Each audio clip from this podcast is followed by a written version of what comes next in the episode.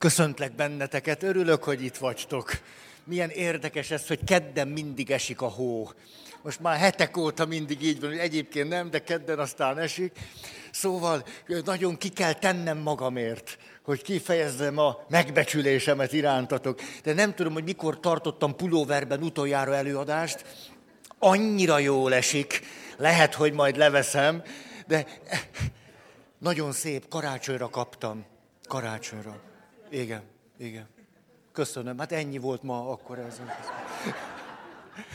Szóval, de egyébként két élményem hamarosan eszembe jut, már nem a hamarosan, ez most úgy jelent, hogy már eszembe jutott, hogy eh, Csíkszeredán tartottam pár évvel ezelőtt előadást, olyan hideg volt, hogy behúzódtam a kazánházba mert a kazánház volt a legmelegebb hely, és ott a kazánházban fölraktam a lábamat, és, és próbáltam úgy csinálni, hogy minél később kelljen kezdeni az előadást, és hogy az emberek minél hamarabb befűtsék a termet. Ez, ez az egyik ilyen, ilyen fázós előadósi élményem Csíkszereda, de a legdurvább Sepsi Szentgyörgy.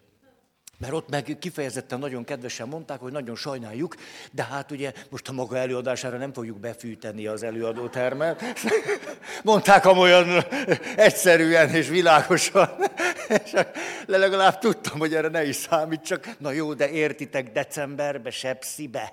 Na, az azt jelentette, hogy, hogy két pulóver kabátba kezdtem el az előadást. A nézőtéren mindenki, durván pulóverek, zoknik, minden, sőt, asszonyok sapka. Na hát szóval ehhez képest értitek, hát királyságban. Miről beszélünk? Első, szándékos vakság. Szándékos vakság öt tényezője. Első, hogy közkeletű hiedelem. Második, az ezt megerősítő, aláhúzó érzelem. Harmadik, az ezekkel együttműködő énkép, általában ugye pozitív érzés, pozitív énkép. Negyedik, hogy az adatok, az információk, mondjuk így egyszerűen az igazság tudható, hogy nem így áll a helyzet. Az ötödik, hiába tudjuk az igazságot, hogy nem így áll a helyzet, az igazság ismerete önmagában nem hoz változást. Ez a nagy témánk. És így jutottunk el oda, rendben van, mi az oka? Már nagyon sok okról beszéltünk, de most a nagy ok, amiről szólunk, a konfliktus kerülő természetünk. Hogy amikor kerüljük a konfliktust, ez a konfliktus lehet külső vagy belső konfliktus. És egyszerűen nem lehet emberi életet úgy élni, hogy elkerüljünk minden külső konfliktust, de ami meg különösen is izgalmas most számunkra, hogy arról tudunk beszélni, hogy léteznek az emberi természettel együtt járó belső konfliktusok, amolyan ős belső konfliktusok, és akármit teszünk, ezek az ős belső konfliktusok szorongást keltő módon mindig is jelen vannak, mert egyszerűen az ember élet realitásához tartoznak. A szándékos vakság okai között ott van, emlékeztek, ezt emlegettük, hogy szeretnénk a pozitív érzelmi világunkat föntartani, és mindent, ami negatív érzést hoz, szorongást, vagy aggodalmat, bizonytalanságot, azt meg szeretnénk távol tartani magunktól. Így jutottunk el oda, hogy nagyon érdekesen össze tudtuk vetni, hogy össze tudtuk vetni azt, hogy a belső konfliktus leírása, amihez előszeretettel nyúltunk egy olyan témához, ami egy ős belső konfliktus, ez az élet-halál belső konfliktusa bennünk. Vagyis, hogy meg fogunk halni, de élni szeretnénk. Hogy élni akarunk, de tudjuk, hogy előbb-utóbb el kell mennünk. Kihagyhatatlan belső konfliktus, ezért a haldoklás témáját hoztuk ide, mert ráadásul Elizabeth Kübler-Ross öt pontban nagyon világosan leírja, hogy hogyan játszódik le ez a folyamat, a belső konfliktusnak a lépéseit hogy tudjuk leírni. És miután ebben az évben nem csak mélyfúrásokat végzünk, hanem állandóan összefüggéseket is igyekszünk látni, ezért ezt összevetettük azzal a szakirodalommal, ami a társkapcsolati konfliktus kezelő technikák vagy módok. És érdekes, hogy itt is öt van. És a kettő gyönyörűségesen párhuzamba hozható és megfeleltethető egymásnak, anélkül, hogy ez a két szakirodalom kellett volna, hogy egymást ismerje. És akkor csak egy gyors ismétlés, hogy emlékeztek, hogy mikor kiderül, hogy van három hetem, akkor egyszer csak jön a tiltakozás, tiltakozás, zárójel, tagadás, ellenállás, tiltakozás. Ez azt jelenti, hogy ez megfeleltethető a kapcsolati konfliktusokban az érdekérvényesítésnek. Hogy úgy kezelek egy konfliktust, hogy úgy kell lenni, hogy én mondom. De hogy ennek feleltethető meg. Ez a helyzet, amikor tiltakozok, és azt mondom, hogy elképzelhetetlen, lehetetlen, annak felel meg, amikor kilépek a konfliktusból. Azt mondom, nem, ez nincs is. Nem, kilépek, eljövök onnan, nem. Második lépés úgy volt, hát most hogy rakosgassam? Na, most és össze vagyok zavarodva. Nem lesz ott cég. Azt mondja, és el kell tolnom, ezt már múltkor olyan jól meg, megorganizáltam. Második lépés, jön a harag. Ez lehetetlen, és akkor a harag valamilyen irányba megy, nem akarom hosszabban mondani, na itt szaladtam előre. A társkapcsolati konfliktusban például, na ez feleltethető meg annak, hogy úgy lesz, hogy én akarom. De ugye a harag vereséget szenved a haldoklás folyamatában, és akkor egy kicsit visszaveszünk az arcunkból. Elnézést a kifejezésért, és azt mondjuk, jó, jó, jó, elismerem, hogy, hogy elég erős vagy. Jó, jó, belátom, hogy azért van benne. Jó, hát akkor kössünk kompromisszumot. Ugye, de ezt itt úgy hívják, hogy alkudozás. De jó, neked eszedben van. Alkudozás, de mondjuk egy társkapcsolati konfliktusban ez a kompromisszum kereső, konfliktuskezelő stratégia. Negyedik lépés, mikor az alkudozással nem sokra mentünk, tulajdonképpen itt átéljük a tehetetlenséget, és olyan értelemben megadjuk magunkat, hogy azt mondjuk, ak- jó, akkor legyen úgy, hogy a halál akarja. De akkor meg minek élek még? Jön a depresszió. Jó, akkor, akkor, akkor, akkor most minek ébredek még föl? Akkor most miért eszem meg a húslevest? Akkor most mi értelme, hogy bejöttél még látogatni? Hát úgyis meghalok, tehát... Ez megfeleltethető annak, mikor egy kapcsolati konfliktusban azt mondom, hogy jó, ráthagyom, legyen úgy, hogy akarod. Hogy egyáltalán nem vagyok tőle jól, csak ráthagytam. Ugye, engedek. És az ötödik, jó esetben, és nagyon gyakran történik az, hogy ezt a fázist nem is látjuk. Nem látjuk, mert annyira belül játszódik le. Ez pedig az, hogy valaki valahogyan a halállal elkezd odabent szót érteni. És valahogy megegyezik a halállal. De úgy, hogy nem egyszerűen csak beletörődik, vagy belepusztul, mint amikor van egy házastársi konfliktus, és akkor az egyik enged, és azt mondja, jó, és az az ára, hogy boldogtalan lesz. Itt túlmegyek ezen a depresszión, és azt mondom, hogy és ezt nevezhettük így el, hogy elkezd valaki kreatív módon együttműködni a halállal. És ez pontosan megfeleltethető annak, amikor egy társkapcsolati konfliktusban nem kompromisszumot keresünk vagy találunk, hanem együttműködünk. És az együttműködésnek mindig az a kulcsa, és ez a különbség a kompromisszumos megoldástól. Ezt nem szokták nagyon sokan világosan látni, hogy a kompromisszumos megoldásnál föntarthatom továbbra is, hogy én vagyok a jó, te meg a hülye, nekem van igazam, te tévedsz, de jó van, akkor legyen úgy. Az egy kompromisszum. A kompromisszumnak nem föltétele, hogy megbecsüljük egymást. Adok, kapok, érdekek játéka, az mind lehet kompromisszum. És az tovább vihet egy helyzetet. De amikor valakivel valódi módon együttműködök, az azt jelenti, hogy egy kölcsönös tiszteletben vagyunk egymással. Sőt, befektetem azt az érzelmi energiát, hogy egymást megértsük, és együttérzőek legyünk egymáshoz, elismerjük egymás nagyságát vagy értékét, és így egymás megbecsülésére jussunk. Ha, ez az együttműködés, az minőségileg más, mint a kompromisszum. Látjátok, milyen érdekes ez, hogy a belső konfliktus leírása milyen világosan megfeleltethető egy külső konfliktus leírásával.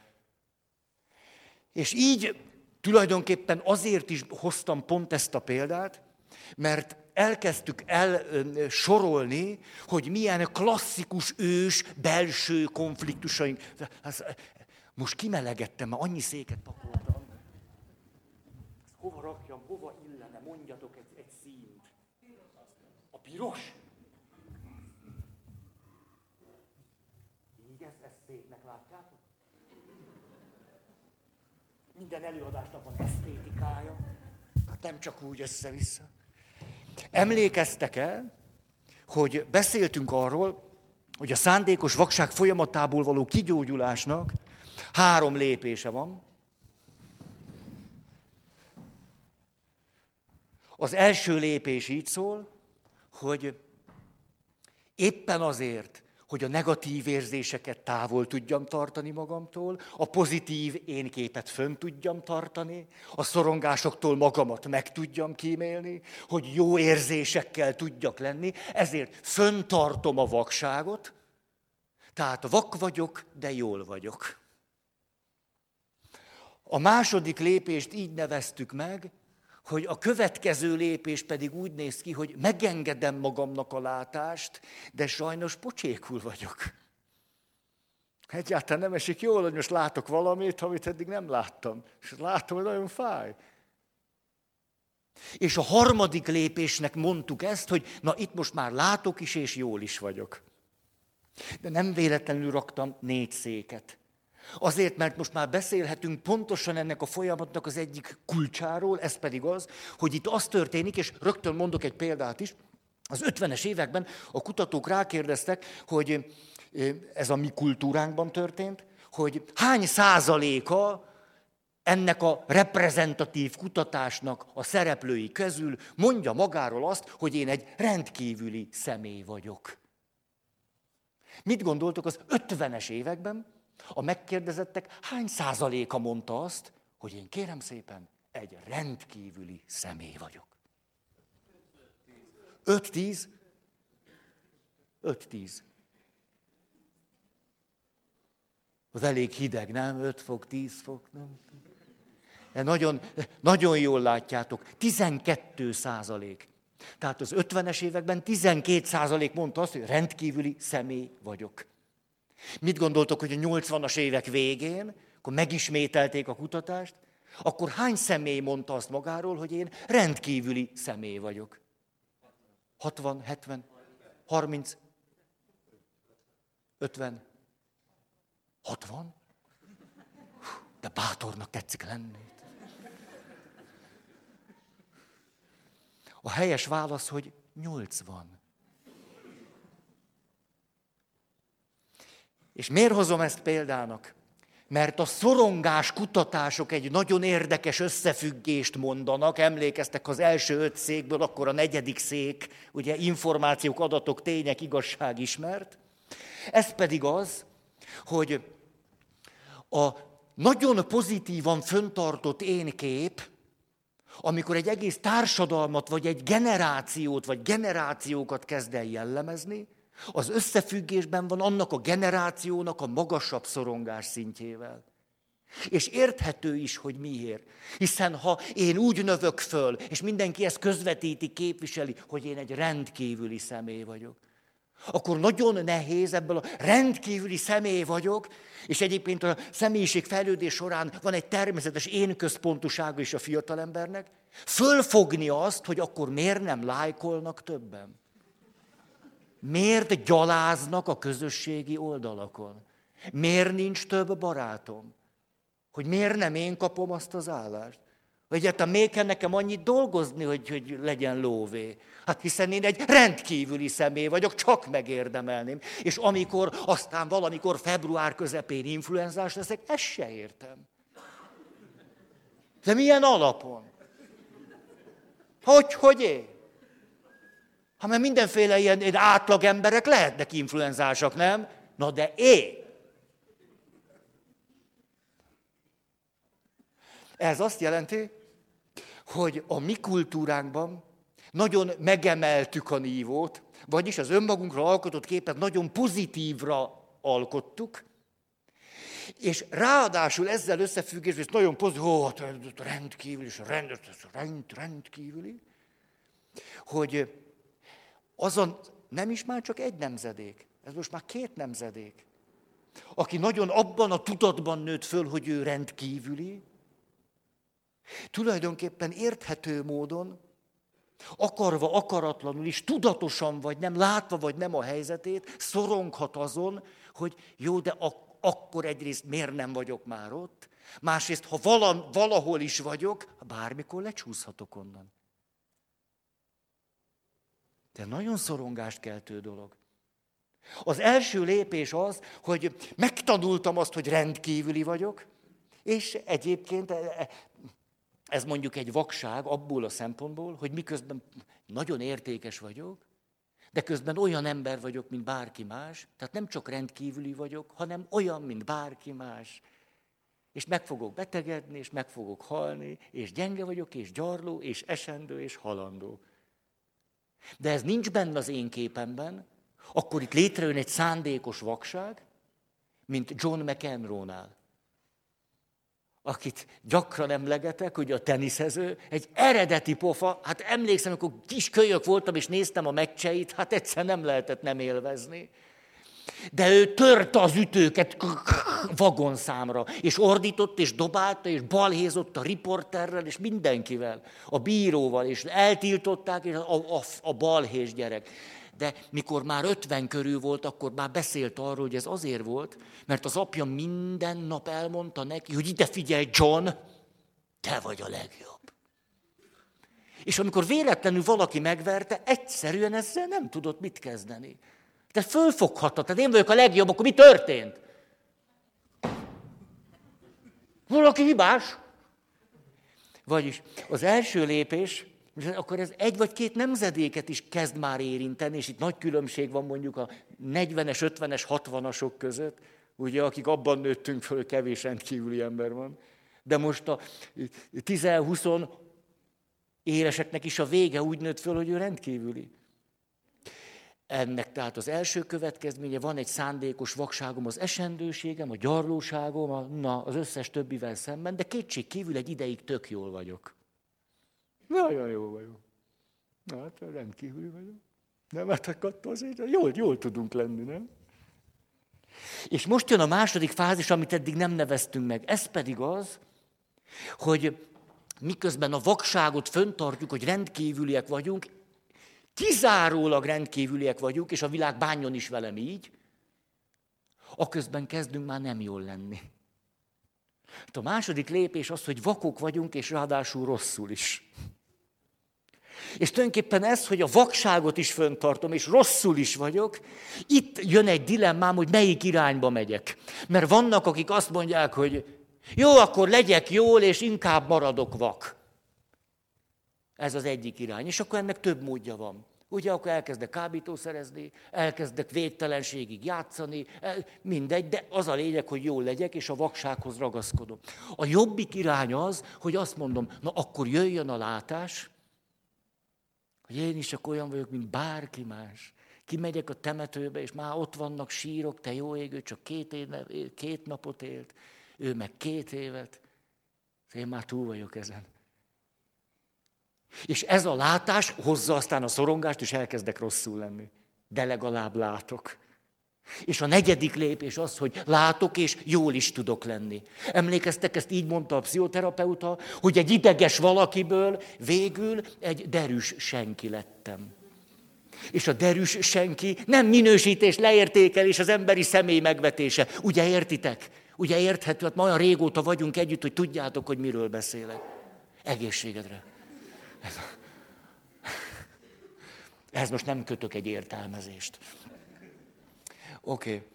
Ez, hogy a második szék, hogy nem is látok és nem is vagyok jól, tulajdonképpen úgy írható le, és ezt külön is érdemes megnevezni, hogy hát megpróbálok olyan tartalmakat eltávolítani magamtól, így kapcsolódik a témánkhoz, ugye a belső konfliktus. Nem tudok úgy élni, hogy nem fogok meghalni, mert mindenképp így lesz, és meg is fogok betegedni, és lesznek kapcsolataim, amelyek tönkre mennek, És lesznek emberek, akik nem szeretnek, és bizonyos dolgokat nem fogok tudni megcsinálni, és egy csomó álmomat sosem fogom megvalósítani, hogy ez mind így van, egészen nyilvánvaló. De minél inkább ragaszkodok a vaksághoz, és valamiképpen a szorongás elkerüléshez, valami sajátos szubjektív jóléthez, annál inkább tulajdonképpen nem az történik, lényegileg nem is történhet az, hogy a halált kitessékelem az életemből, hanem hogy távolságot veszek föl saját magamtól. Ha meg fogok halni, és úgy teszek, mintha nem, akkor valami nagyon alapvetőtől idebent el kell távolodnom. Ha be kell látnom, hogy gyarló vagyok, de ez nekem nem esik jól, ezt csak úgy tudom megcsinálni, hogy ha fönn akarom tartani a vakságom, hogy el kell távolodnom az összes gyarlóságomtól, mintha az nem lenne. Belenézek a múltamba, és ez talán az egyik legfájóbb, mert sen, semmelyikünk nincs, aki, hogyha belenézel a múltadba, ne látnál ott olyat, amit szívesen csinálnál másképpen. Ez mindenkinél van. De én fönn akarom tartani ezt az egyoldalú én képet, hogy nagyszerűk és rendkívül, és mindenki más a hibás vagy a felelős, akkor ez azt fogja jelenteni, hogy a múltamtól is el kell távolodnom, vagy legalábbis sok mindentől. Tulajdonképpen a vaksággal az történik, hogy egy csomó területen el kell magamtól távolodni, mert csak így tudom föntartani a vakságomat. Tehát az a naivitásom, hogy én témákat, eseményeket, most kifejezetten sarkosan mondom, bűneimet, gyöngeségeimet, a halára szántságomat távolítom el magamtól. Lényegileg azonban nem ez történik, hiszen ezeket nem tudom eltávolítani, mert ezek ténykérdések. Egyszerűen így van. Tehát akkor nem az történik, hogy egy csomó nekem kellemetlen dolgot el tudtam távolítani, hanem a gyakorlatban az jelenik, hogy magamtól távolodtam el. És hogy egyre több minden területen, hogy köpködök azért, ezt látjátok, vagy ezt nem kellett? Nem látok, kár volt mondani. Na, hát most jól elszúrtam. Tényleg nem lehet látni? Micsoda vakság, döbbenetes. Be nem ismernétek, hogy nagyon guztustalan. Te láttad? Nem. Jó, te is olyan vagy. De... Szóval, úgy is láthatjuk, hogy miért vagyunk egyre rosszabbul. Mert egyre több mindentől idebent kezdünk el eltávolodni. És ez egészen odáig mehet, hogy saját magunkkal meghasonlunk. Nem csak, hogy eltávolodok magamtól, hanem szinte idegen leszek saját magam számára. Hanvas Bél ezt például úgy mondta, hogy vannak olyanok, akiket megkísért az a lehetőség, hogy kezdjenek a saját életrajzukban élni. Hogy, hogy itt mondok egy mesét magam, rendkívül személy vagyok. Ehhez ragaszkodom, és teljesen el kell magamtól távolodni. És tulajdonképpen ez lesz tarthatatlan. Hogy annyi mindentől tartunk már saját magunkban távolságot, hogy ez egyszerűen már nem tartható fönn. És ez a belső egyensúlyvesztés és meghasonlás vezet oda, hogy azt mondjuk, jó, a, na jó, ak, akkor belátom. Na jó, a, tényleg igaz. És ez tulajdonképpen nem véletlenül milyen érdekes, hogy megkönnyebbülést hoz. Mikor valaki akár egy gyónási helyzetben, vagy egy oda megyek és bocsánatot kérek, milyen érdekes, hogy tulajdonképpen itt azt gondoltam, hogy ha be kell látnom a gyöngeségem, gyarlóságom, esendőségem, na akkor leszek csak igazán rosszul.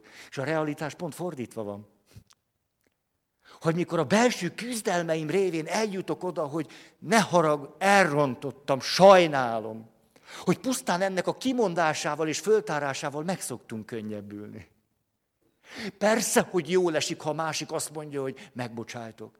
Vagy, ó, hát én ezt nem is éltem át ennyire. Vagy, ó, tudod, hát én is benne voltam. Persze, hogy, hogy na, milyen felszabadító is, amikor kapunk egy kapcsolati megerősítést. Azért tudunk itt elkezdeni jobban lenni, mert itt az önmagunkkal való meghasonlás és önmagunktól való eltávolodás már annyira kóros, hogy egyszerűen hirtelen végre itt egy leszek magammal. És ennek van egy, egy, egy jól lét, hogy de, de így egy vagyok magammal. Ahogy egyszer valaki mondta, hogy ez annyira szép, de akkor ide is ülök, azt mondta, tulajdonképpen az élet nagyon egyszerű. Megpróbálok úgy élni, hogy semmit ne tegyek hozzá, és semmit ne vegyek el. Ez az igazság. Hogy az igazság számomra az, hogy nem teszek hozzá semmit, és nem veszek el belőle semmit. Egyszerűen csak engedem, hogy az úgy van. De ez tulajdonképpen egy művészet. Há, egészségedre. Milyen érdekes, most egyensúlyba kerültetek, hogy így, így. Oké. Ezért tehát érthetjük, hogy a szándékos vakság folyamatában a vakság föntartása miért vezet oda, hogy egyre pocsékabbul legyünk. Na most. És akkor eldönthetjük, hogy a vakság és mi... Na, nem ragozom. Ön, azt mondja, hogy igen. A belső konfliktusokról szeretnék tovább beszélni. Ezek az alapvető ős belső konfliktusok, amiket nem tudunk kikerülni, és ezért érdemes velük szembenézni. Nem kell ennyi szék. Olyan szépet hallottam, ugye múltkor nem beszéltem nektek dr. Kamuti Jenőről. Beszéltem? Emlegettem, nem? Olyan szép beszélgetést hallottam vele, meg eszembe jutott, hogy négy évvel ezelőtt itt volt a színpadunkon. És akkor milyen jó volt, egy pár szót beszélgettünk a színpadon, ez még a momban volt. Hogy azt mondja a doktor Kamuti Jenő, hogy hát ugye, akkor elmúltam 75, akkor hoztam egy döntést, mégpedig, hogy én többet nem műtök. Mert én, én egy jó sebész vagyok.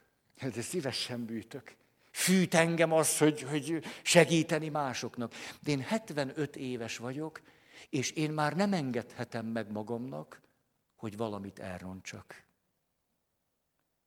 Mégpedig azért, mert én egy 75 éves idős ember vagyok, és én azt már nem fogom tudni kiavítani.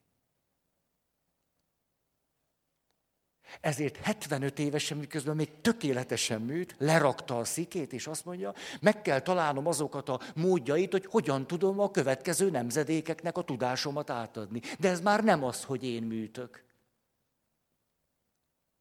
Ezt nevezem együttműködésnek a halállal. Ez kétség kívül, megyek a halál felé. 75 vagyok. Te nem sok időm van. Én most egy gyöngülök, képességeim el fogom veszteni, és a többi. Most még nagyon világosan látok, most érdemes beismerni. Hát ennek tétje van, és a többi. Gyönyörűnek látom, amikor valaki a világosságot választja a vakság helyett, és együttműködik a, a saját öregedésével. Ő nem hatban van vele, hanem azt mondja, és elmosolyodott ott, hát egy olyat mondott, hogy ez, azt mondja, de tulajdonképpen 80 éves. Most tulajdonképpen én nekem olyan taníthatnékom van, mert úgy, úgy egy csomó minden összeállt bennem, hát csak én nekem erre nincs jogosítványom. Most épp azon gondolkodom, hogy elvégeznék talán egy OK és képzést hogy, hogy ki, ki merhessek állni bárki elő, nekem papírom legyen, hogy azért szabad beszélnem. De micsoda világosság az ilyesmi. Ez egyszerűen zseniálisnak látom. Tehát itt volt ugye az első ős konfliktus, és csak visszatérnék ez, lehet, hogy Néha olyan benyomásom van, hogy olyasmiket mondok, ami, ami engem izgat igazán. Aztán hát tiletek mi, hogy ez miért jó, de hogy azt is nagyon értékesnek tartom, hogy ezeket a kikerülhetetlen belső konfliktusokat a személyiségfejlődés folyamatába ágyazva mondom el. És ez az első ős konfliktus, az élet és a halál konfliktusa bennem, ez már a magzati korban is jellemző, meg aztán nyilván később, mint az ős konfliktus, és hogy tudjátok, hogy a születés élménynek is megvan a szakirodalma. Nagyon jó szakirodalma van. Mert hogy mondhatnád, na, hogy mondhatnátok azt, hogy jó, hát most hogy, hogy ez az első konfliktus, ez olyan filozofálásnak tűnik, nem élet, halál, hanem most gondoljuk el, és itt hát most ennek a mondatsornak biológiája is van, hogy én egy kicsi magzat vagyok, már mondjuk már kilenc hónap, meg még már mondjuk egy hét, és mikor elkezdek átmenni a szülőcsatornán, azt tudjátok, hogy ez egy oxigén hiányos állapotot hoz létre a magzatnál. Kisebb-nagyobb mértékben egyfajta fuldoklás veszi a kezdetét. Oxigén hiányos állapot.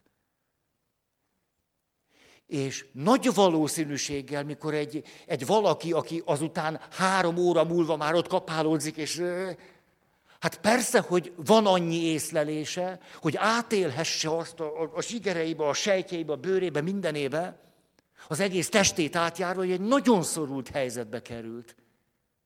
Hogy fogy a levegő, már inkább az oxigén. Hogy nem a levegő, az oxigén. És hogy egyre szorultabb, és egyre nehezebb, és hogy tulajdonképpen ő tehetetlen. Hogy nem, nem, nem tudom ügyesen megoldani ezt a helyzetet, hogy nincs az én kezemben. Hogy ezért maga a szülés és a születés élmény egyfajta élet-halál élmény. Hogy átélem a kiszolgáltatottságomat, hogy végem lesz, hogy csak innen valahogy kikerülni, ami persze segíti a megszületésemet, de hogy ahhoz képest, hogy hát ebbe már csak belepusztulok, ha hosszan megy, ahhoz képest alig tudok valamit tenni magamért. És azt mondja a szakirodalom egy nagyon, már-már költői, de elgondolkodtató módon fogalmazza ezt, meg azt mondja, hogy és tulajdonképpen reális is az, hogy a halál és a születés történik meg, hiszen magzatként meghalok. Abban a pillanatban, hogy megszületek, nem vagyok már magzat. Tehát ténylegesen valami megszűnik, valami végérvényesen megszűnik, valami egy örök életre szólóan többet már nincsen. Elég nagy változás. És hogy ezért, mikor azt mondják a lélektani szakemberek, hogy ez az első ős konfliktusom, az élet és a halál konfliktusa, hogy, hogy ez nem egy szépelgés, nem egy, egy filozofálás vagy költészkedés, hanem már ténylegesen átélem azt, hogy fogy a levegő. Nem a levegő, az oxigén. És hogy nagyon, nagyon nagy bajba vagyok, és ez tovább tart, akkor ebbe bele fogok pusztulni. És ezt joggal élem meg. Oké, okay. tehát az első belső konfliktus így szól, hogy élni akarok, de meg fogok halni. És az a kérdés, és mindegyik pontnál szeretnék valamit megragadni ebből, hogy hogyan tudok jól kijönni. Tehát hogyan vezet az utam egy belső konfliktusból oda, hogy végül a negyedik székre tudjak ülni, és lássak, és jól is legyek. És itt tulajdonképpen a, a gondolatunk már megvan. Ez pedig az, hogy megtanulok együttműködni a halállal. Együttműködni az esendőségemmel, és a halandóságommal, hogy ezzel megtanulok együttműködni. Hogy nem tiltakozok, nem tag, főleg nem tagadom, hanem együttműködök vele. És ezért gyönyörű, mondjuk dr. Kamuti Jenő, aki azzal, hogy ezt most már nem csinálom, de azt elkezdem csinálni, ha még egy csomó lehetőségem van, hogy hogyan működik együtt az öregedésével. Hogyan működik együtt azzal, hogy nap-nap után belátja, hogy valamit már nem fog tudni csinálni. És még előbb belátja, mint sem, hogy valami hibát követne el. Na ez aztán még szebb. Nem várja meg, míg elköveti az első rettenetes hibát. Tehát, tehát az első, hogy oda kerüljek, megtanulok együttműködni valamivel, ami úgy tűnt az elején, hogy a vesztemet okozza és hogy végem lesz. Akkor Jézus meghal a kereszten, az újból és újból ámulatba ejt, hogy az utolsó szava az, hogy beteljesedett. Ez egyszerűen ámulatba ejt. Hogy aki megtanul együttműködni a halállal, ő tulajdonképpen megtanul jól élni. Egyszerűen ez történik. Ő tanul meg jól élni. És amikor megtanulok együttműködni a halállal, ez azt jelenti, hogy tulajdonképpen az életet választottam. És sokkal eredetibb, és elevenebb, és kreatívabb, és igazabb módon tudok élni, mint hogyha a vakságot választottam volna. Ezt ne, na, gyerünk, nem, nem tudom, hogy ez most mennyire, na, gyerünk, hát biztos tudtok ezzel mit kezdeni. Hát ha nem, akkor nem tudom. marad a húsvéti sonka. Második, az anya elvesztésétől való félelem. És hát mindattól, ami, ami úgy tűnik föl, mikor pici baba vagyok, hogy ő a minden. Ezt most már annyiszor beszéltük, nem akarom ragozni. Hát ő a minden. És tulajdonképpen itt megint mondhatnánk, hogy ennek megvan a biológiája, az élettana, mert tényleg ő az. Mert tényleg ő ad enni, és ő ad inni, és rak tisztába, és dajkál, és, és ringat, és meggyőt. Tényleg. Az én pszichés funkcióimat az édesanyám látja el. Hát én nem tudom maga megnyugtatni, de ő nyugtat meg engem. Még kívül működik egy csomó létfontosságú pszichés funkció, amiket még nem tudtam itt bent kidolgozni. Gyönyörű. Tehát nem véletlen, hogy megjelenik ez a félelem, hogy elvesztem az anyám, és akkor aztán jön a következő, csúszok vissza, és akkor bele fogok pusztulni.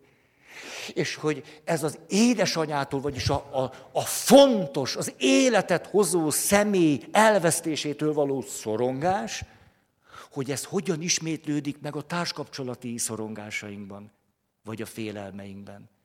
Hogy amikor szerelmesek leszünk, és belebolondulunk valakibe, és áhítatosan nézünk rá, á, és idealizáljuk, hogy az, hogy ő elveszthető, vagy hogy elhagy, de még az is, hogy megcsal, értitek? Hogy miért olyan rettenetesen fájó a hűtlenség? Mert föleleveníti bennem azt az ős szorongást, hogy a személy, akin keresztül az életemet tudom biztosítani, elfordul tőlem és elhagy. És ez egy csecsemő esetében mondjuk maga pont a pusztulat. És amikor szerelmes vagyok, és összekötődik valakivel az életem, és hűtlen vagy elhagy, hát az halálélmény. Te ugyanaz elevenedik föl, azt mondja, nem tudok nélküle élni. Ezért nem tudom nektek, hogy hangzik, akkor valaki szerelmet val, nem tudom, csináltatok-e ilyen? Hú, hóvirág? Hát értitek, az az elevenség, ami a kardvirággal, vagy hogy? Nem tudok nélküled élni. Ha én nekem mondaná ezt valaki, hogy nem tudok nélküled élni, hát édes, egy olyan fél éves, aranyos nagyon, hát ó, majd segítünk neki. Számomra egyáltalán nem egy lenyűgöző mondat, hogy nem tudok nélküled élni. Hát értitek, a csecsem mondja ezt, hogy nem tudok nélküled élni. De ha valaki, na, most, szóval, ez az ős szorongás, hogy elveszíthetem a legfontosabbat, akitől és akin keresztül az élet föntartásához, a szükségleteim betöltéséhez, nélkülözhetetlen értékekhez, javakhoz jutok, de nem csoda, hogy ez fölelevenedik. Képzeljétek el, elvesztettem a pénztárcám. De nem ez az érdekes, mert nem a pénztárca az érdekes, hanem az, mert nem is volt benne sok pénz, a, hanem az, hogy benne van az összes iratom. Látjátok, fel is hoztam a színpadra, mert most kicsit szorong, szorongással vagyok. Az összes iratom, a, jogosi, a, a, a bankkártya, a, a, a jogosítvány, érti, minden. Még a papi igazolványom is benne van. Van olyanom, képzeljétek el, hogyha véletlenül valahova egyszer csak úgy elkerülnék egy, egy időspirál nyomán, hogy ott fölmutatom és misézhetek. És az történt, hogy este 11 felé, egyszer csak szól a telefon, hát este 11, rutinból nem veszem föl, de tök ismeretlen szám, fölvettem, az a Magyar Autóklub. Hát ez jól esik, de... Szóval, hogy valaki megtalálta az összes iratom, az, össz, mi, mi, az egész életem ott benne van, és hát azt állítja, hogy maga, ez a magáé, és hogy hát mi azért így nem adjuk meg a telefonszámot, de hát nagyon erősködött, hogy oda akarja magának adni, és először mi ellenőrizzük, hogy tényleg maga ez. És akkor mondta, hú, te jöjj, a benzinkútnál egyszer beraktam a zsebembe, és hogy beszálltam az autóba, ott kiesett, és nem vettem észre. Na, akkor kapcsolnak, hogy nem is tudtam, az autóklub ilyet tud. Akkor egyszer csak egy hölgy vette föl a kagylót, nem tudom, vette föl, na ez már régen nem így működik, jó van. Szóval Látjátok a beidegződések. És mondja, hogy hát igen, ezt megtalálták, igen, ott, mert... És hogy akkor nagyon szívesen odaadnák, és hogy jó, hát mennyit kellett könyörögniük az autóklubosoknak, hogy valahogy, mert hát különben, vagy nem, nem, hát telefonszám nem. Na. Hogy te jó ég, hogy de jó, hogy nem is tudtam, hogy elvesztettem, de most legalább megvan. Hát ez egy dupla nyereség, értitek? Nem volt veszteségélmény, csak nyereségélmény.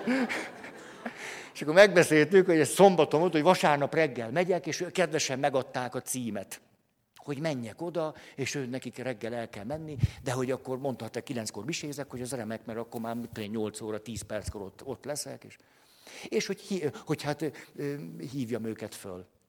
És ott volt ugye a szám, fölhívtam azt a számot, ami ugye az autóklub. Mert Ugye ott a nagy örömben, meg a nagy veszteségben nem jutott eszembe, hogy az a szám, ami ott, az nem az ő számuk. Tehát ott álltam, na, meg volt a cím, csöngettem. Lehúzva az összes roló, halál, sötétség. És arra gondoltam, hogy éjszaka rájöttek, hogy, hogy van itt elég érték, hogy... És ez valami... És ott, ott dudáltam, csöngettem, semmilyen. Te jó ég, az össz, mindenem oda lett. És tudjátok, hogy miért jutott ez eszembe? Hogy egyszer csak az a, azt tudjátok, hogy nem bírom elérni. Hogy nem tudom elérni. Itt, hogy csöngetek, és dudálok, és kiabálok, és telefonálok, és nem, nem tudom elérni. Hogy lehet, hogy leléptek, már Itáliába vannak. Az összes cuccommal minden. Hát mit tudom én, kinek nem, mi mit ér meg? És e, ez az élményt, hogy, hogy megyek el az autóval onnan, és ezt, ezt nem, hát, hát ez nem is tudom, most ezután hogy fogok élni. De tényleg egy ilyen, egy ilyen ős szorongás, egy rémület. Hát most, most, most miséznem kell, tehát ott kezdődik, most egy órát misézek, és akkor majd utána bankkártya letiltás, az is semmi nincs meg, rám egy három hetem, mit tudom én, mi lesz közben. Szóval azt akartam csak ezzel mondani, hogy még egy ilyen helyzetben is valami ős szorongás meg tud bennünket lepni. Pedig ez csak egy tárca, meg ilyen plastikizék, meg nem tudom, oda van írva, hogy született 66. Hát most értitek, te nem fog tönkre menni. De ott az élmény egy ilyen, egy ilyen és hiába reflektálok rá, akkor is megvan az élmény. És képzeljétek el, annyira rendesek voltak, mert ők is rájöttek, hogy valószínű ez lehet, és megint betelefonáltak az autóklubba. és, kiderült, hogy az autóklubosok hívtak engem föl, ők nem tudták az én számomat, mint hogy én sem az övéket. És az autóklub megadott egy számot, amit meg nem jól adott meg és tíz percen keresztül elkezdték hívogatni a számokat úgy, hogy számokat kicserélgettek. Ezt képzeljétek el. És egyszer csak szólt a telefon, és azt mondta, ha mi vagyunk azok, hogy... Tehát most az autóklubban nem jól adták meg, és így cserélgettük a számokat. Mindjárt ott vagyok. De tényleg autó vissza. Az se számít, ha elkések. Hát értitek ott az életem. Annyira rendes emberek is vannak, hogy egyszerűen lenyűgöző. Tehát, hogy mennyi melót vállaltak magukra azért, hogy nekem visszaadjanak valamit. Hát hihetetlen. De a második pont, amiről szó van, hogy az ős szorongásom és félelmem, hogy nem veszíthetlek el, mert akkor nem tudom, mi lesz velem. És egy csecsemő joggal mondja azt, hogy nem is tudom, de el se akarom képzelni. El se akarom képzelni, hogy jobb, amíg csak aggódok a sorsomért, mint hogy meg, elkezdjek belegondolni, hogy hogy halok meg egyedül. Mert hogy az a reális, hogy egyedül végem van. És hogy ez az ősszorongás hogyan jelenik aztán meg a különböző kapcsolatainkban, amiben elkezdjük beletenni az érzéseinket, az érzelmeinket, elkezdünk kötődni és tartozni, és főleg oda, ahol pedig szerelmesek voltunk. Mert ott létrejön a természetes regresszió, és az anya-csecsemő kapcsolat dinamikája tudattalanul fölelevenedik bennünk. Hm. Hm. Erről ennyit tudtam elmondani. Most mi a megol... Hova juthatunk el? A negyedik szék, hogy látok is, jól is vagyok. A negyedik széken valami olyasmi történik, most akkor használjuk ezt egy ilyen rendkívüli szék. A negyedik széken valahogy oda jutok, hogy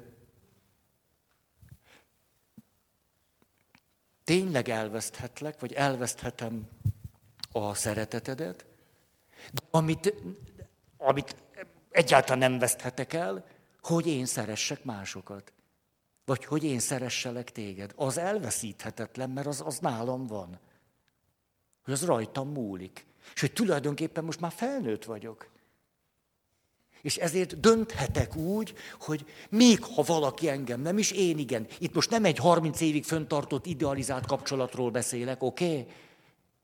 Hanem amikor a félelmem megjelenik, hogy dönthetek úgy, hogy én attól még én szerethetlek téged. És ez rajtam múlik. És ez föloldhatja bennem ezt a szorongást, hogy mi lesz, hogyha elveszítlek. A,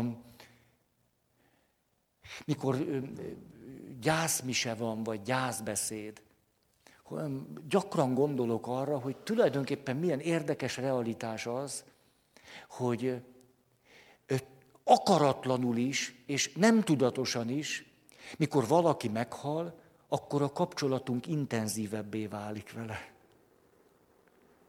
Hát ide bent elkezdünk egy nagyon hatalmas párbeszédeket folytatunk, és elmondjuk, és megkérjük, és hogy maga az élet igazolja vissza, hogy ahogyan én föntartom valakivel a kapcsolatot, hogy ez egy realitás.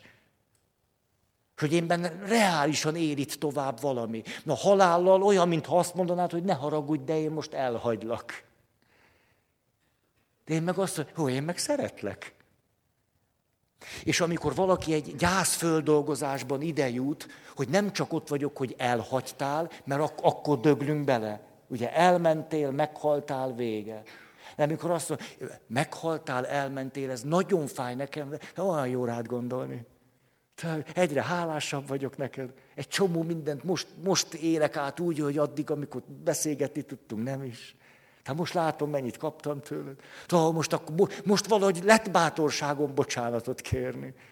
Ó, megyek is ki hozzád, a idézőjelbe hozzád. Ah, jó lesz most ezt elmondani. Ha.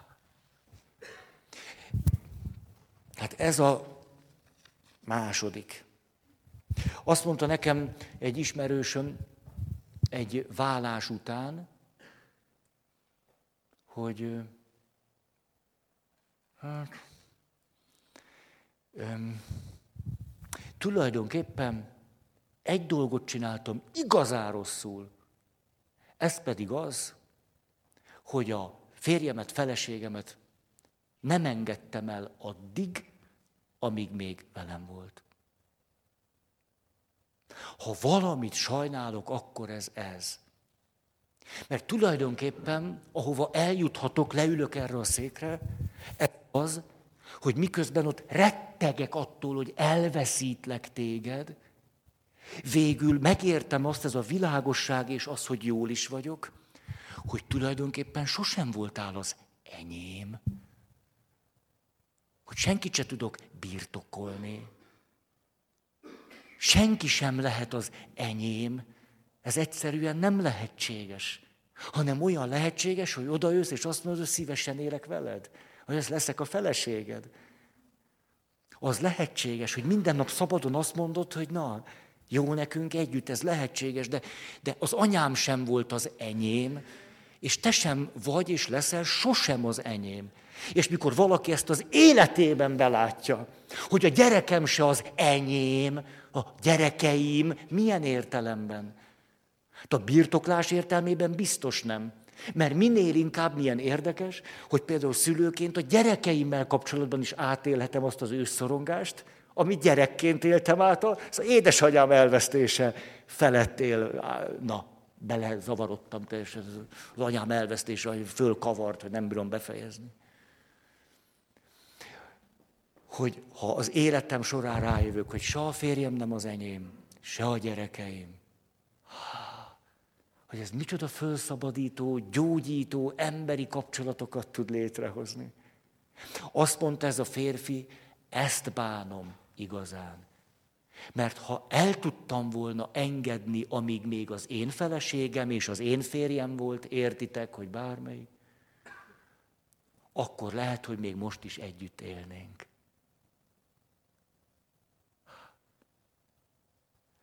Ezért micsoda óriási jelentősége van, hogy ott van bennem ez az ős szorongás, hogy nem hagyhatsz el, muszáj, hogy legyél nekem. És ebből kijövök úgy, hogy nem, hogy nem, na, nem ragozom végig. Hát az a realitás, hogy most se vagy az enyém. Hogy a szándékos vakság az, hogy az enyém vagy. Azért, hogy ne szorongjak. Hogy, vagy az élet úgy lesz, hogy majd én mondom. De ez a szándékos vakság, mert sosincs így. És ugye milyen érdekes, ugye Eszter Perel, ahogy mondja, hogy valaki, a, aki tagadja azt, hogy, hogy a másik egy szabad ember, és sosem tudom őt birtokolni. Egy csomó mindent meg tudunk tenni másokkal, de attól még nem lesz az enyém. Eszter Perel azt mondja, hogy érdekes módon, amikor a leginkább szeretünk a társunkkal lenni, akkor átéljük azt, hogy há, abban mindig benne van az, hogy őt szabadnak látjuk és hogy ő szabadon van velünk. Tehát ha valami maga a rock az nem az, hogy hanem hogy odajön és azt mondja, hogy akárkivel élhetnék, de veled akarok.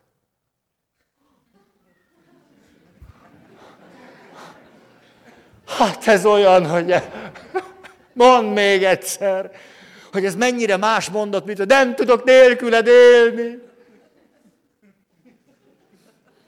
Az egy nagyon fenyegető mondat. De azt, bárkivel élhetnék, de veled akarok. Na, gyerünk. Öm, igen. Hűha. Egy hölgyel beszéltem nem olyan, nézem az időt, egy hölgyel beszéltem nem olyan régen. Azt mondja, Heri atya, mondott egy olyan klasszikus mondatfüzért. Hogy Áferé, nem tudom, de tényleg most már nincsenek normális férfiak? Na, nincsenek? Hogy most vagy ilyen tutyi-mutyi, ilyen nevetséges alakok, vagy hát értő, ilyen despoták. Hát szóval mint hogyha nem volna egy, egy ilyen normális választék. De akkor nem, nem látom, hogy lenne. Tehát vagy, vagy ezek a beképzett fajankók, vagy hát ezek a papucs ágyelő. Hát, igen, hogy valamikor úgy medveként kezdte, aztán most ilyen ágyelőként. Tehát nincs egy férfi, hogy fogom magam úgy este, hogy behengeredek oda, nem tudom én, a francia ágyra, és akkor úgy érzem, hogy biztonságú vagyok mellette. Hol vannak ezek a férfiak? Hát hol? Ezt nem így mondta, kicsit magasabb volt a hangja. És és elkezdtünk erről beszélgetni, és tudjátok, ez, ez annyira érdekes helyzet számomra, mikor, hát ez egy, ez egy mondatfűzér, ez, ezeket meg lehet, megveszünk a boltba, a kulturális boltokba, meg, és akkor fölakasztjuk, hogy nincs rendes férfi. Hogy ugyanis ahhoz, hogy én amikor francia ágyra vetem magam, de azért ez mégiscsak egy, egy ilyen fehérbe szeretném így vetem magam a francia ágyba, és úgy át akarom élni, hogy na mit, ez nem kell ma ide. Hogy mellettem egy erős férfi az oltalmazó karjával és a szőrös vállával. Mikor ezt én átélem, és azt, hogy rá, rá hagyatkozhatom, érted? Hogy nem nekem kell minden döntést meghozni. Hogy utálom már ezt, a körömcipőt, meg a döntéseket.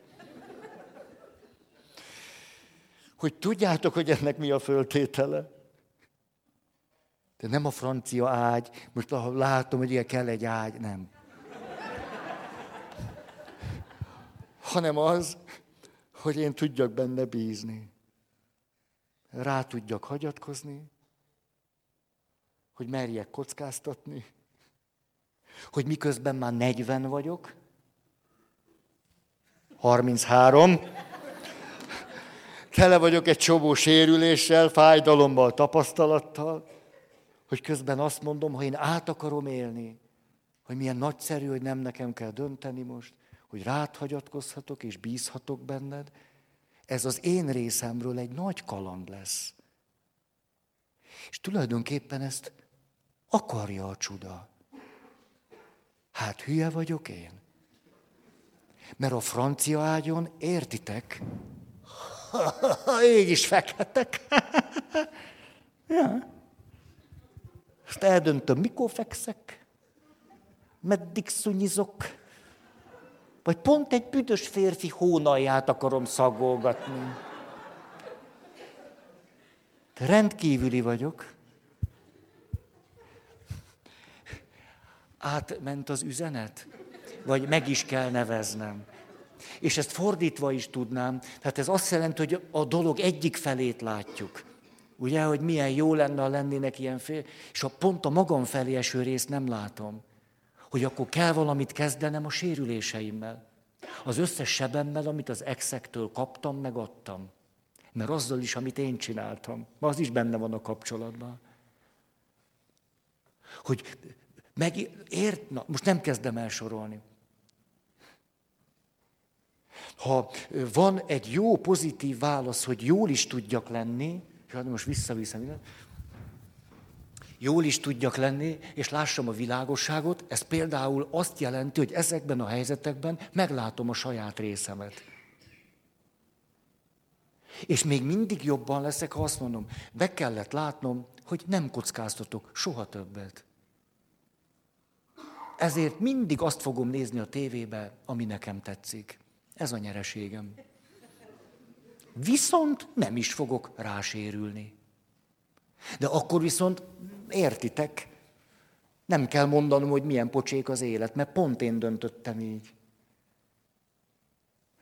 És akkor van egy veszteségrész, azt is nagyon világosan látom, azt elsiratom, és na, nem is kell szépen fölöltözni este. Tök jó. Hiszem, a kukoricát, azt leesik, azt ott van, értitek? Ha gondolod, fölveszem? Este, tudod, mikor veszem föl? Én nem veszem föl. Én lakásom, én kukoricám, én mocskom. Ennyi.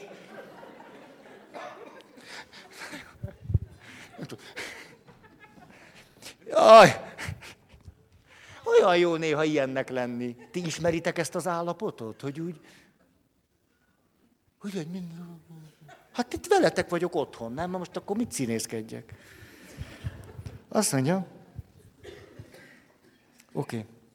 Okay. Még egy dolgot gondoltam ide, hogy tudjátok, hogy erről sokat beszél. Megy a társkapcsolat, egyre kevesebb szenvedély, egyre több biztonság. Ugye ezért dolgozunk. Akkor, hát, hát ez történik, ugye, mert a szenvedély az kockázat, a szenvedély kív, a szenvedély ismeretlen, szenvedés, az a szenvedély, hát a szenvedélynek ára van, azt akarja a csuda, amikor fölvettük a csokot. Ezért aztán hogyan dolgozunk meg a biztonságért? Hát úgy, hogy rengeteg szabályt hozunk. Szabály, szabály, szabály, szabály. Ugye így van, úgy van, ekkor fekszünk, azt beszélsz, nem lehet, az izé, mosáfogat, izé, miért így néz ki a haja, az izé, ennyi szoknya, az még lehet, ez már nem lehet, az bele, nem fér bele, izé, hogy néztél rá? Úgy nem nézhetsz rá? Jó, tehát megvannak a szabályok. És hogy a, a céges világban is ez történik. Ugye, mert föl azt mondják, hogy elakadnak itt a munkafolyamatok. Miért akadnak el? Hát azért, mert mondjuk krampácsolni nem szeret senki.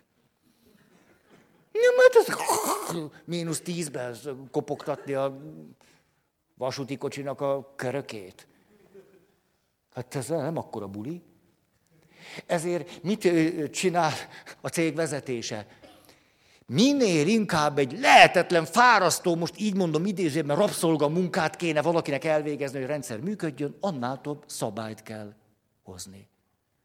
Mert akkor nem az, hogy kedve volt, vagy hideg volt, vagy nem tudom, maradt-e pálinka még az erdélyi útból, mert úgy könnyebb azért kimenni, ütögetni, hanem Hozzunk minél több szabályt, és minél több szabályt hozunk, a helyzet annál kibírhatatlanabbá válik. Megcsináljuk ugyan a dolgokat, és egyre rosszabbul vagyunk. Nagyon hasonló, mint a társkapcsolatban.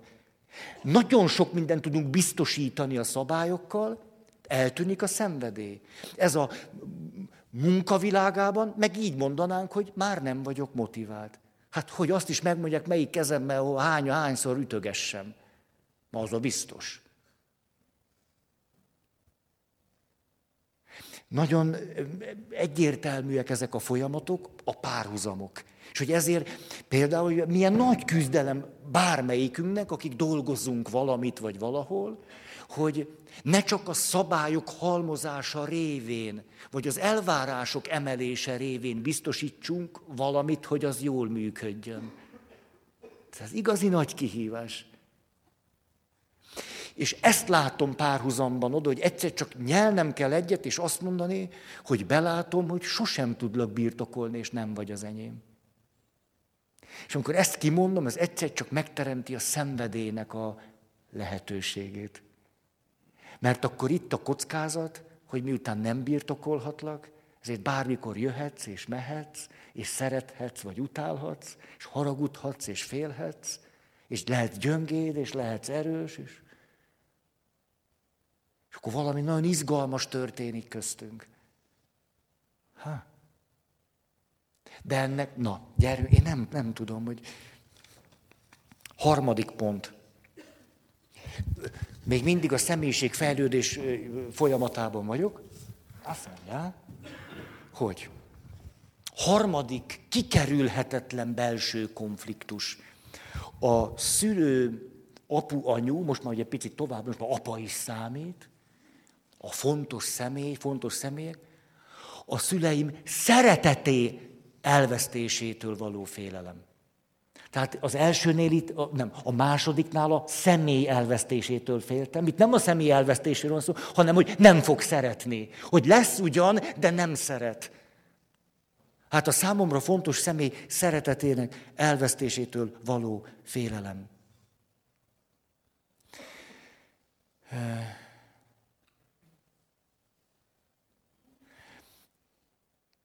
A, ugye múltkor Edith Éva Égertől elmondtam azt, ahogy a nő, az ő anyukája azt mondta neki tizenévesen, hogy jó, hogy van eszed, mert szép az nem vagy. És hogy hogyan lett ettől a mondattól jól, mert ettől a mondattól nagyon rosszul volt. Volt világosság és rosszul lét. Ugye ez a harmadik szé. És akkor azt mondta, hogy egyszer csak ráébredtem, hogy te jó ég, hiszen az anyám azt is mondta, hogy van eszed. Hát Auschwitzban pont erre lesz szüksége. Hogy de jó, hogy az anyám ezt mondta. Hogy a szépségemben nem sokra mennék itt. Az eszemmel annál többre. Akkor egyszer csak az a félelem, hogy, hogy az anyám nem szeret, az anyám nem lát szépnek, vagy értékesnek, vagy klassznak, egyszer csak itt átalakul. Azt de nem is azon múlik. Jé, hogy nem is azon múlik. A... Igen. Milyen sok történetet hallhatunk serdülő fiatalokról, akik döbbenetes önpusztításba és számukra nagyon fájdalmas és bántalmazó kapcsolatokba mennek bele azért, mert erőt vesz rajtuk az a félelem, hogy nem akarják a másik ember szeretetét elveszteni. Miközben az, amitől félnek, hogy azt elvesztik, az már régen nem az, hanem kihasználás, meg kizsákmányolás, meg bántalmazás, meg birtoklás, és a többi. És mégis halljuk és halljuk, legalábbis én sok történetet hallok, hogy 15 évesen, 17 évesen, 19 évesen mennyi mindenbe mentem bele, mert az volt bennem, hogy ha ezt nem teszem meg, ha ezt nem csinálom, akkor majd nem fogsz szeretni. És ugye, ha nem fogsz szeretni, akkor elvesztelek, és ha elvesztelek, abba bele fogok pusztulni. Ugye így megy a sor. Csúszok vissza, és végem van. És milyen óriási nagy dolog, akkor valaki azt tudja mondani, hogy nem, ha nem szeretsz, én azt túl fogom élni. És egész biztos, hogy túl fogom élni. És hogy itt eh, ismétlem el ezt a mondatot, egy picit előre vettem a, a másodiknál, már mondtam, de igazából ide tartozik. Sajnos ezt most ki kell mondanom. Azt hiszem, ezt elrontottam az előbb. Hogy, hogy de ami megmarad az az, hogy én tudok szeretni. Hát az, az senki ki nem veszi a kezemből. Okay. Ez a harmadik. Azt mondja, negyedik, ezt még elmondom, jó? Azt mondja, nézem azért, Ás, gyerünk! Negyedik ős belső konfliktus, ez így szól, hogy a büntetéstől, kritikától való félelem és szorongás. Tehát megint van alapja, hiszen minden szülő bünteti a gyerekét, mert hiszen a gyerek nem is tudja, hogy mi az, amit nem volna szabad csinálni. És amikor már tudja, akkor is csinálja még, mert akkor meg megnézi, hogy tényleg így van-e. Hát hiszen ez a tanulási folyamat, az nagyon ritka, hogy mindent úgy tanulnánk meg, mint a gyilkos galócát nem érdemes enni tapasztalatát, hogy Ugye, hogy egyetlen élmény elég, hogy egy életre szólóan megtanuljunk valamit. Azért egy csomó mindent nem így tanulunk meg, hanem gyakorlás révén. Mondjuk a gyilkos galócával nem sokat tudunk gyakorolni. Szóval, na, öm, hm.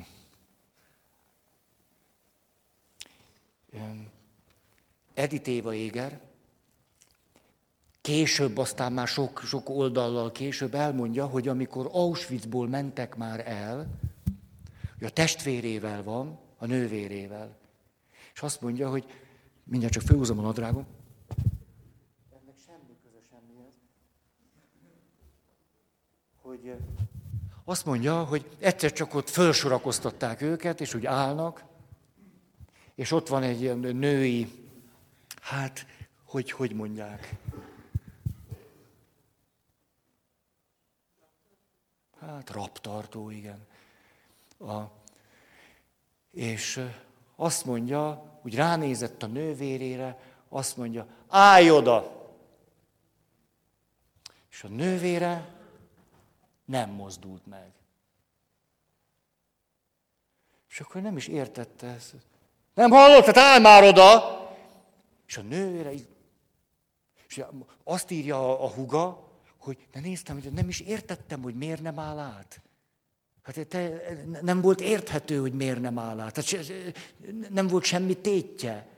És azt mondja, úgy bepipulta ez a női fogd meg, hogy fogta, és a puskának a tusával fejbe vágta a nővérét, és elkezdett ömlenni a vér a fejéből, és még akkor belerugott, hogy állj már át. Mondta, hogy odahajolt hozzá, és csurgott a vér a fejéből a nővérének, és azt mondja, ezt miért, miért csináltad? És ő fekszik, és elmosolyodott, és azt mondja, muszáj volt kipróbálnom, hogy tudok-e még nemet mondani. Egyszerűen muszáj volt. Érted, Hugi? Még tudok nemet mondani. Megérte még tudok nemet mondani.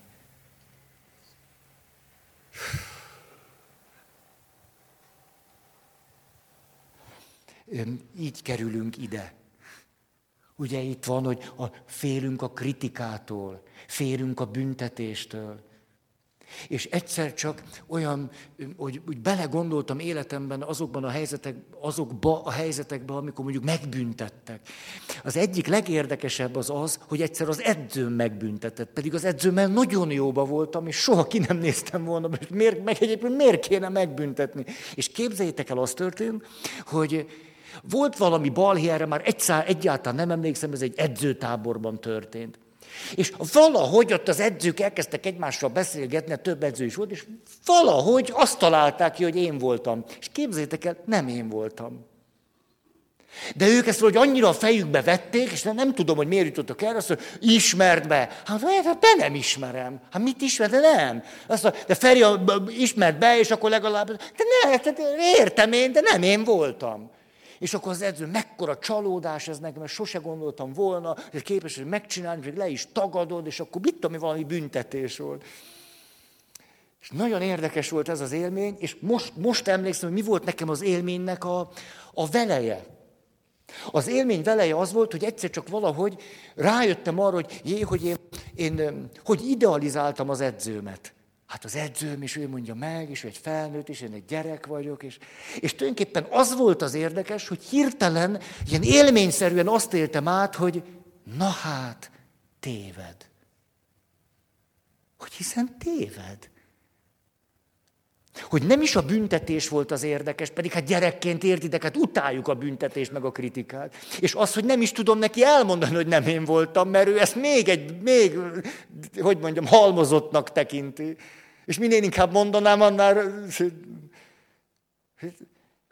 És emlékszem, hogy álltam ott van, mert állnom kellett, nem tudom, mit kell csinálni, hogy is ezen gondolkoztam, hogy de érdekes, hogy most valamire rájöttem, amit kizárólag a büntetés révén ö, ö, tapasztalhattam meg. Azt, hogy téved. Akkor átéltem azt, hogy na hát, hogy hát hiszen ő az edzőm, és én... És, hát, sokkal nagyobb szabadságra jutottam.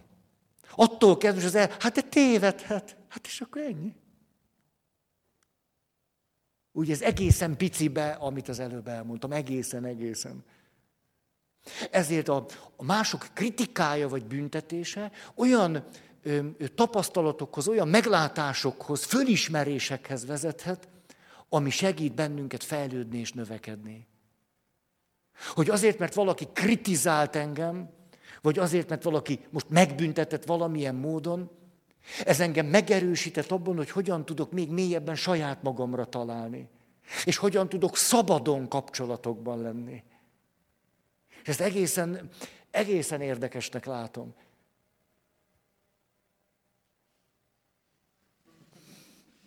Milyen? A, olyan, ugye John Gottman, aki mindig mondogatja ezt, hogy egyébként pedig ne kritizáljunk, hanem panaszkodjunk. És hogy itt megint a, a, a kultúra és a szándékos vakság viszonya, hogy azzal, hogy a világhálón tarthatunk nagyon sokakkal kapcsolatot, ez egyértelműen növelte a szorongás szintünket, mert egyébként vadidegen és teljesen számunkra ismeretlen emberek belénk tudnak rúgni. Ez régen nem tudott megtörténni, ha csak nem írtak egy levelet, de most minden lehetőségük megvan arra, hogy ezt megtegyék velünk. Idegenek, sose ártottunk, sose láttuk őket sem. És hogy milyen döbbenetesen közben pedig az evolúció stratégia működik, hogy hát valahogy próbáljuk kézbe tartani a kapcsolatainkat. Ugye, mint amikor egy kis közösségben éltünk, vagy a törzsbe, a csoportba, és számított, hogy ki, ki mit gondol, és kivel hogy vagyunk. Hát, hát ha kitaszítanak a közösségből, akkor ért, kikerülünk a nagy sötét éjszakába, az egyedül meghalunk. Hát ott a falu védelme, meg a kis törzs, hát persze, hogy az kellett nekünk, hát az biztosította az életet. És megy bennünk ez a nagyon ősi evolúciós stratégia, hogy próbáljuk kézben tartani a viszonyainkat, és ez így már régen nem működik.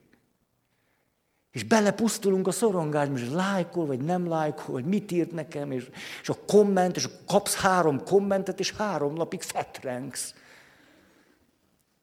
És a többségünk, most így mondom elegánsan, nem bírja ki, hogy ne olvassa el.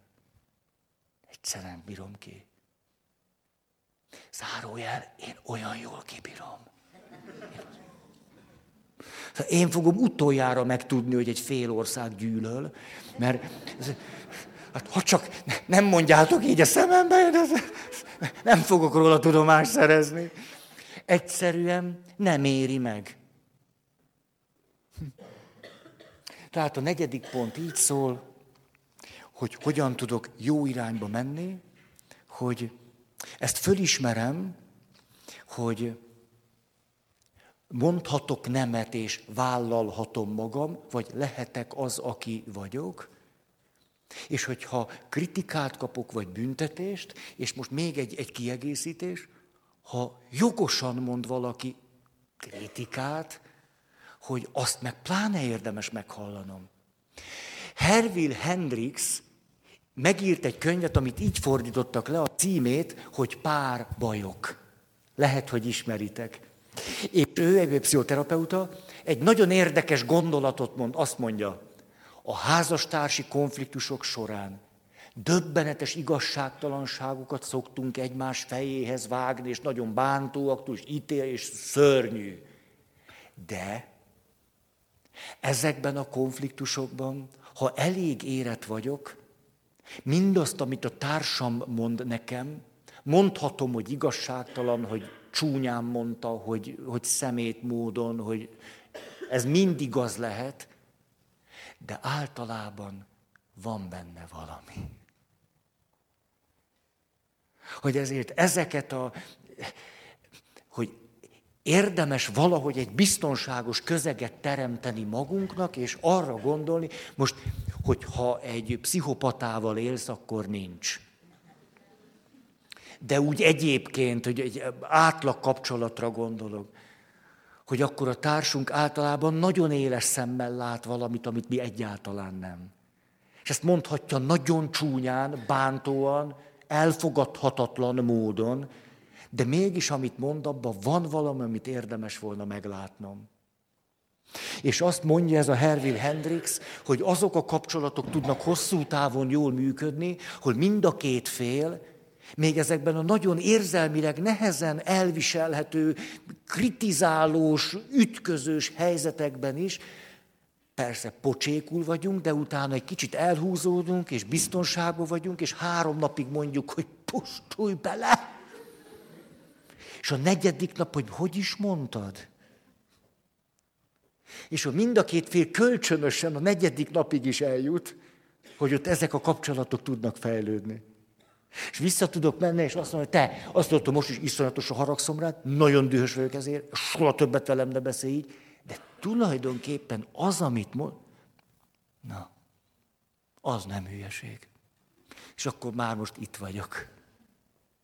Ezért merhettük azt mondani, hogy miközben itt azt élem meg, hogy a kritika vagy a büntetés a vesztemet okozza, mert akkor majd nem szeretsz, akkor majd elveszítlek téged, és abba belepusztulok. Hogy ez nem így van. Hanem, hogy éppen ellenkezőleg valamiféle növekedéshez tud engem segíteni. És ez tök jó, csak fáj. Nagyon köszönöm a figyelmet.